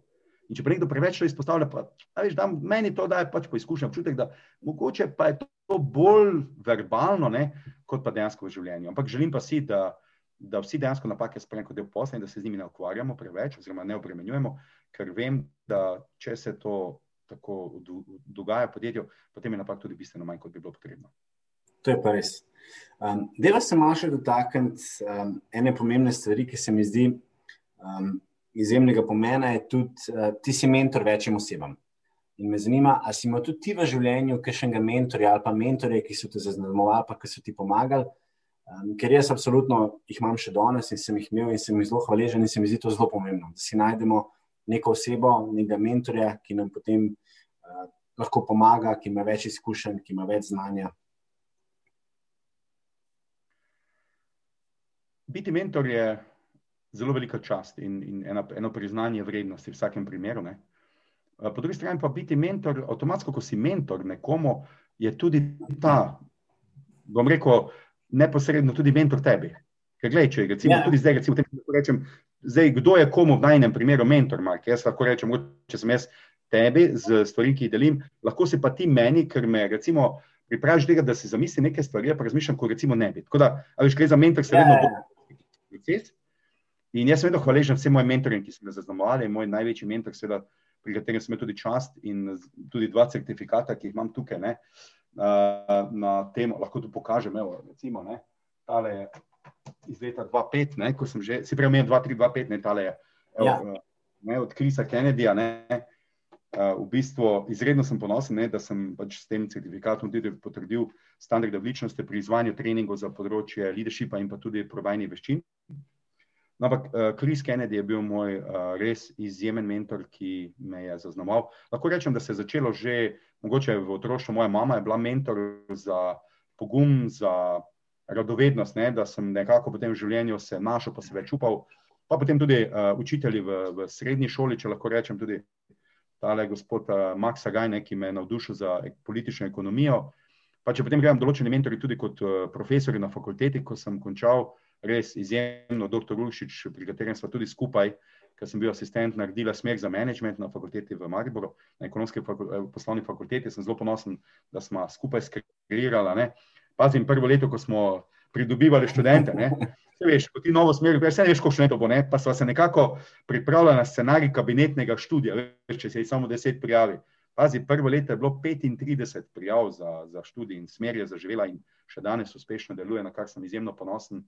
Potem, seveda, kasneje v poslu je bil, uh, je bilo kar nekaj mojih mentorjev, no, tisti, ki so mi dali priložnost. Jaz rekel, vsak jim je dal priložnost, da sem rastel, se razvijal, uh, povečal svoje vrednosti, bil mentor. In jaz upam, da tako kot so oni zaznavali mene, da sem tudi jaz njim prinesel določene koristi ali pa neko dodano vrednost. Kris, uh, definitivno, ker sem dejansko šel k njemu v New Jersey, on je bil tudi uh, del uh, Johnson Johnson, uh, ki je seveda eno od desetih največjih na svetu. Tako da sem se imel res priložnost učiti, pazi, ena na ena sem imel priložnost delati s človekom, ki je treniral preko 50 tisoč ljudi z področja vodenja in pa prodaje v sistemu Johnson Johnson Worldwide. Tako da definitivno ta njegov certifikat, certifikat iskreno povem, Mark Lej, če se naveličam vsega skupaj, grem v tujino, le obesim to v pisarno na steno ne, in vem, da bom imel v letu ni dovolj klientov, da bom lepo živel. Tako da, evo, to mi je moj, a veš, to je safety, safety ne, če lahko rečem net. Ne. Ampak ne, bom rekel, veliko je bilo teh mentorjev in le, jaz pa seveda to vračam tako, da tudi športniki delam, kot si že omenil, delam z mlado športnico Petjo Drame, ki je, evo, zdaj, glede na to, da je 16 let ravno dopolnila, je bila v finalu članskega prvenstva do 18 let, to pomeni uh, tudi več, ne, torej, dosti, starej, dosti starejše in močnejše tekmice premagala, v finalu je klonila proti štiri leta starejšim, bolj izkušeni igralki, ampak lej, uh, finalistka, ne, bom rekel, lepo je kronala sezono 2020, ki tudi za športnike ni bila fajn, ne, ker niso mogli toliko igrati, kot bi lahko. Drugač pa ja, vedno znova sem mentor in ja, ker nekaj ljudi me v zadnjem letu ni povabilo k temu, da bi bil mentor, ti iskreno povem, da nisem mogel vsem reči da, zato ker enostavno ne zmorem, ne bi rad nekaj delal na pol, ker potem pa se veš, daš, ustvariš neka pričakovanja, potem pa jih na koncu ne moš izpolniti in je lahko ravno nasprotni učinek. Ampak ja, z dvema, tremi osebami, ko delam, je super in lej, v 22 celo računam, da bom imel mogoče malo več časa, pa še, bom rekel, poudarim ali pa ponudim kakšno mentorstvo. Pa tudi sam ti iskreno povem, da ja, mislim, da se bom tudi letos jaz malo še s kakim mentorjem pogovoril, pa mogoče še koga povabil, tudi da mene malo usmeri, ker se lotevam nekih novih podvigov, pa mislim, da mi tam manjka kar nekaj izkušenj, ko me trije, ne rabim kakega mentorja, da mi malo pomaga, pa me usmeri. Top, odlično. Deva se malo še dotakniti eh, tvojega osebnega življenja, da počasi najem pogovor popeljeva do konca. Da malo povej, kaj pa Branko rad počne v prostem času, kaj so tvoji hobiji oziroma uh, stres, release, uh, s čim se sproščaš, kaj rad bereš, kaj rad poslušaš. Ok, Mark, še enkrat bom te vrnil na začetek najnega, oziroma prej, pet otrok imam. Kaj misliš, koliko mi časa ostane za hobije? Dejva, tako, zdaj bom pa jaz vrnil, da se malo dotakniti enega vprašanja. Mark. Kaj misliš, koliko časa mi ostane za hobije v petih otrokih? Kaj misliš, koliko? Dokaj malo. Ampak, ker sem učinkovit, kot sem rekel, ne, seveda izkoristim. Zdaj, seveda, fizična kondicija je zelo pomembna. Torej, uh, absolutni, kot pravijo Nemci, ne, ker je tudi nemško govorim, je mus zajnje 20 minut aktivnega, uh, aktivne skrbi za telo, je skoraj obvezno čeprav 20 je skoraj premalo, ne že če gledam, da zdaj, okay, zdaj ne morem kolesariti zunaj, imam sobno kolo. Ej, to je super. Evo, če že pogledam, kako dajo, ne, lepo na sobnem kolesu, krasno ti povem, pol ure se res fajn prešvicaš, tako pa res gledaš televizijo, pa še nekaj koristnega diš. Ne, tako, ker ti couch potato, ne, varianta odpada. Ja. Drugač pa tek, recimo, ne, ker tako jaz sem si pač doma malo uredil, tudi imam en tak mini fitness, no, če lahko rečem, pa potem, da zaradi časa, doskrat, da prišparam, ne zaradi transporta, uh, mi je malo lažje, pa hitreje, da imam tudi doma, ne, sej, da ti ne povem, da sem verjetno jaz manj na teh napravah kot moji otroci. Ne. In zdaj, seveda, ko so večji, jih veliko bolj izkoristim. Tako da mislim, da čez čas, ko se bomo kdaj čez kako leto pogovarjali, me boš vprašal, a še sploh prideš kaj zraven. Ne, in ti bom rekel, Uh, drugač pa, ja, lej, dosti rad, rad sem v preteklosti igral strateške uh, igrice na računalnik, recimo, ko gradiš kako mesto, ali pa ustvarjaš spet z področja vodenja, ne tako malo. Uh, ampak nekaj ustvarjaš, zdaj v tem času pa mogoče tele igrice, ko nekaj ali zlagaš tri vrste in tako naprej, tako malo za miselni odklop. Um, koliko imam časa, seveda, savna je tudi sestavni del mojega življenja, tako vsaj trikrat na teden, definitivno. To sem pred leti, pred 15 leti spoznal in res zadnji deset let prisegam na to, res se človek dobro počuti. Super. Da nekaj naredi zase. Pač pa z mojo ženo, ki se vidiš, pet otrok, pa še ženo imam, ne, tako da je res vesela, da tudi nosim čas. Ali pa bom rekel, tako sem zelo vesel, da ima potrpljenje, razumevanje in da me podpira pri tem, da vse to, kar počnem, počnem, uh, bom rekel, z veliko energije. Ampak še vedno mi ostane malo tiste strasti tudi za mojo ženo. To pa, ne, to pa definitivno uh, uh, ne, ne odstopam. To, to ne manjka, ne, to je prisotno v življenju. Uh, je pa res včasih, ko iskreno da povem, um, ja, bi si že, da bi imel malo več časa. Tako, uh, ampak, evo, čez praznike zdaj ti povem, da sem si pa tudi vzel kak dan, dva, pa nisem čisto nič počel. Tudi jaz. Jaz bi samo z družino, plino off, ne povem, tako smo se res fajn imeli. Uh, až, uživali smo samo v družbi eden drugega, ne, čeprav smo bili v enem trenutku tudi vsi na telefonu, vsak v svoji igrici mal, ne, ampak to je bilo tisto, malo, pre, malo premora, večino časa pa seveda ta, ta osebni stik pa pogovor. Zdaj, ko so otroci večji, ti povem, je zelo fajn, ko spoznaš res otroke, da imaš ta stik, ne ta connection. da veš, kako diha, razmišlja. In zelo sem vesel, da predvsem moja dva večja otroka, ki sta že 14 in 16, ne letos bo ta 15 in 17, da ste se razvila v dve, čeprav še najstnika, ne, ampak ste se razvila v dve zelo, zelo taki samozavestni, preudarni osebi, ki znate tudi ločiti, kaj je prav in kaj ne. In uh, jaz sem vedno pač otroke zgajal v tem ne duhu, da jih moram naučiti, da ko bodo enkrat sami brez mene in mame poleg ne, da se bodo znali odločiti, kaj je prav. Super. Deva se še malo dotakniti, izpostavil si Krisa Kennedyja, Richarda Bransona. Kjer je še kakšen tak podjetnik, ki ga spremljaš ali pa te, te, te navdihuje? Uh, zelo dober je tudi Kermit Ray iz Avstralije. Z njim sem preživel pet dni na enem treningu v Londonu pred osmimi leti, osmi, ja, zdaj že devet, dva dvanajst. Izjemna zgodba, res pet dni, se en človek, imaš po osem do deset ur na dan, res začutiš človeka, ne, in tam nas je bilo petdeset, ampak kljub temu, da nas je bilo petdeset, je vsak imel občutek, da je takrat ali Krvin dal res 120% sebe, ne? da se nas ni dotaknil samo poslovno, ampak dejansko tudi osebno, kot človek, z vrednotami, izkušnjami, zgodbami. Se veš, vsak človek ima različne ja. zgodbe. Ne? In ko deliti se najbolj intimne zgodbe s tabo, ne? ko je doživel življenje tudi to, da so ga ustrelili, pa zabodli, pa je šel skozi ono, pa družino zgubil in tako naprej. To so take zgodbe, ki. Yeah. Ja. A veš, da človek jamra, ampak dejansko pove, hej, dal sem marsikaj skozi. Uh, včasih se nam neke stvari, ki se nam že zgodijo, da so težke, sploh niso tako težke, ravno to so te zgodbe. Ne? Da so še hujše ljudi, ki so ljudi dal skozi, tako da tudi ti boš. Sem da to je ena taka močna sporočila mentorja. Ne, ne glede na to, kako veliki so izzivi, verjemi, drugi so imeli še večje in so jih zmogli, tudi ti boš zmogel. Tak, ja, ja. Ena dobra spodbuda. Uh, tako, ja, Richard Branson definitivno spremljam, potem meni je zelo ljuba in pri srcu Brigitte Hyacinth, ki je bila tudi direktorica Caribbean uh, MBA. Eh, tako te privatne uh, fakultete, ne, zdaj hodi kol po svetu ne, in jo tudi sledim in pazi. Ko sem videl pred dvema letoma, tudi ona mene sledi ne, na LinkedIn-u, kjer sem tudi prisoten, sem bil dejansko navdušen, ne, da te nekdo tak tudi sledi. Drugače pa uh, mentori, ki so bili tudi v Sloveniji, ki so name dosti vplivali, so bili na začetku moje kariere zelo, zelo močen klient, moj je bil Roto, uh, ki je zdaj že Roto Group postavljen z Štefanom Pavlinjekom. Uh, pa seveda tudi plastika skaza, stanje so še vedno dobri odnosi in sem vesel, ko vidim, kako je tudi ona našla nove načine, nove poti, da deli in pomaga in podpira druge, da so na svoji poti bolj samozavestni.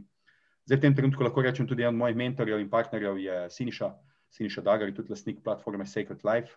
Tudi on mi je veliko, tako bom rekel, pokazal mi je veliko stvari, da sem se naučil o sebi, kaj še lahko dam. Uh, potem, kaj bom rekel, uh, Zdaj, na prvo žogo bi težko zdaj vse naštel, ne bi pa rad komu delo krivica. Veš, yeah. Ja. Ampak v teh 20 in nekoliko letih se je nabralo veliko mentorjev, veliko ljudi, ki so tako globalno kot lokalno vplivali na me. In vsakemu od njih sem hvaležen, da so včasih zelo nesebično delili košček uh, sebe z menoj in na ta način v bistvu obogatili tudi mene, da sem lahko danes v stanju, da to nesem naprej ali pa delim še z drugimi, ki vem, da jim pride prav. Dobro, da vas še dotakniti uh, vprašanja tvoje najljubše aplikacije. Kaj je to uporabljaš? Zdaj, moja najljubša aplikacija. Mogoče bo zvenelo tako malo dolgočasno, ampak moje aplikacije so Ilka, potem Reminder, oziroma opomnik, veš, kaj si delam tiste opomnike. Yeah. Ja. Ne kljub temu, da si pišem. Veš, se veliko stvari napišem, ampak ne se sproti zgodi. In včasih, ko se s kom pogovarjam, rečem, le pošlji mi mail, ne, če sem ravno telefon. Yeah ali pa potem hitro vtikam reminder, da ne pozami, ker je veliko stvari. Uh, potem uh, aplikacija tudi snemalnih zvoka, to res veliko delam teh audio posnetkov. Ko se vozim v avto, recimo, doskrat kaj razmišljam, pa posnamem, potem pošljem sodelavcem, uh, torej sodelavkam v ekipe, da tudi pretipkajo, tudi kak na svet tedna, recimo, ki že več kot 8 let objavljam uh, in v slovenskem biznisu. Uh, in tako veš, da sem čim bolj učinkovit. Uh, bom rekel, ja, dobra aplikacija zdaj mi je tudi za spremljanje uh, porabe in ustvarjanje električne energije doma, ker imam eh, na strehi tudi te sončne, solarne celice. Ne? In me več zanima, koliko smo porabili. Koliko... Zdaj sem se v tem letu naučil, neverjetno vem, koliko porabi pečica, mikrovalovna, uh, če imam požgane luči, ali nima požgane luči, če dela toplotna. Če, veš, tako, malo sem se naučil tudi o teh, uh, bom rekel, take uporabne stvari, ne? da vem, uh, kje porabimo preveč elektrike, oziroma koliko smo jo ustvarili, koliko smo uh, racionalni v porabi elektrike in tako naprej. Dobra izkušnja. Uh, čakaj, če še malo pogledam, sem imam telefon brez sebe, kaj nekako najbolj uporabljam. Ja, LinkedIn je definitivno uh, zelo uh, uporabna aplikacija, to sem dnevno, ker sem tudi povezan. Uh, LinkedIn imam kar nekaj sledilcev, pa potem objavljam. Evo, ravno jutri začnem spet z novim objavom letošnjem letu, zdaj še nisem. Uh, to je nekako, bom rekel, to. Potem imam tudi eno aplikacijo, malo ki spremlja te home workout, no, da malo skrbiš za telo, da se lahko tudi spremljaš, koliko si bil priden. Uh, pa tu pa tam kakšna uh, igrica, bom rekel, ne taka miselna ki pa bom rekel, so bolj tako eh, prehodne narave, ne? ker to se naveličeš, pa, pa, ali pa tu časa nimaš, potem pa spet kaj novega najdeš in tako naprej. Teda, v tujini pa doskrat tudi, če rabim transport Uber, to vam še vedno gor, čeprav zdaj v Sloveniji tega ne uporabljam. Ne? Pa uh, eno od aplikacij, seveda tudi, ker sem se moderniziral, to se pač močne plačevanje preko interneta, tako da, da imam tudi ja. ta, uh, to aplikacijo za mobilno plačevanje. Tako da, evo, to je. Uh, ni nekih takih, a veš, od Snapchatov, pa ne vem, kaj se zraven. Uh, TikTokov. Uh, ja, ja, te, ki imajo TikTok, to imajo otroci, ja, to imajo. TikTok sem si dolgo zaradi otrok, ampak iskreno povedano. Smenka naredi en test, veš, sem rekel, pa da gremo pogledat, koliko je to razumel. Ti povem, gledaš, gledaš in mine, lej, ti povem, pol ure mine, res tako. Hoda, ja. ne, ne, ne. ne. Ja, verjamem, ja. da je toliko in otroka res potegne, tako da je treba imeti do tega zdrav odnos in tudi z otroci je treba na tem delati. No. Super. Deva, deva se zaključiti na en pogovor s tem, vsakega našega izjemnega gosta radi vprašamo. Zdaj imamo ogromno poslušalcev, od mladih študentov do predsednikov, prav, do direktorjev, do neizkušenih vodij, do zelo izkušenih vodij. Tako da, no pressure, ampak kaj bi bili tvoje, tvoje recimo, tri nauke, ki bi jih rad delil z našimi poslušalci? Tri nauke. Dobro, če bom rekel tako, prvi nauk bi bil, da vedno pri poslu, pri čemkoli, karkoli boste v življenju delali, ne, uporabljate vse tri inteligence, torej miselno, čustveno in pa logično inteligenco. Jaz tem rečem v formule, ne, IQ plus EQ plus ZKP. Ker IQ izobrazba je res pomembna in tudi poznavanje stvari je pomembno, vendar pa vemo, da nikoli v poslu in v življenju ne speš sam, zato je pomembno, kako ravnaš z drugimi okoli sebe. Uh, bi pa rekel, uporabljamo pa tudi to, česar nobena izobrazba ne more nadomestiti, to pa je zdrava kmečka pamet, ne?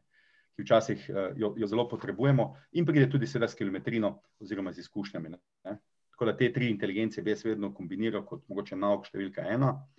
Zdaj, drugi nauk bi bil, ne moreš spremeniti preteklosti. Vse, kar počneš, počni z fokusom na prihodnost.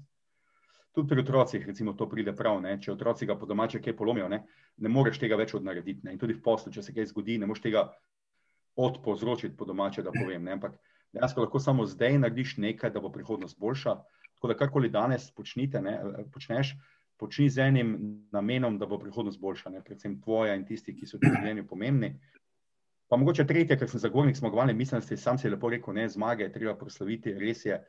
Še posebej tiste, ko veš, da si, da si mogoče celo šel, kot je ta tvoja oddaja, ne, beyond, ne, torej više in dlje od tistega, kar nekako bi v normalnih okoliščinah da te zmage štejejo.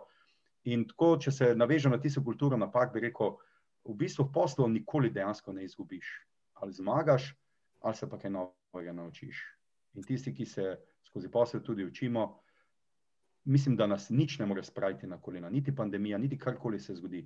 Vedno enostavno najdeš način, da greš naprej.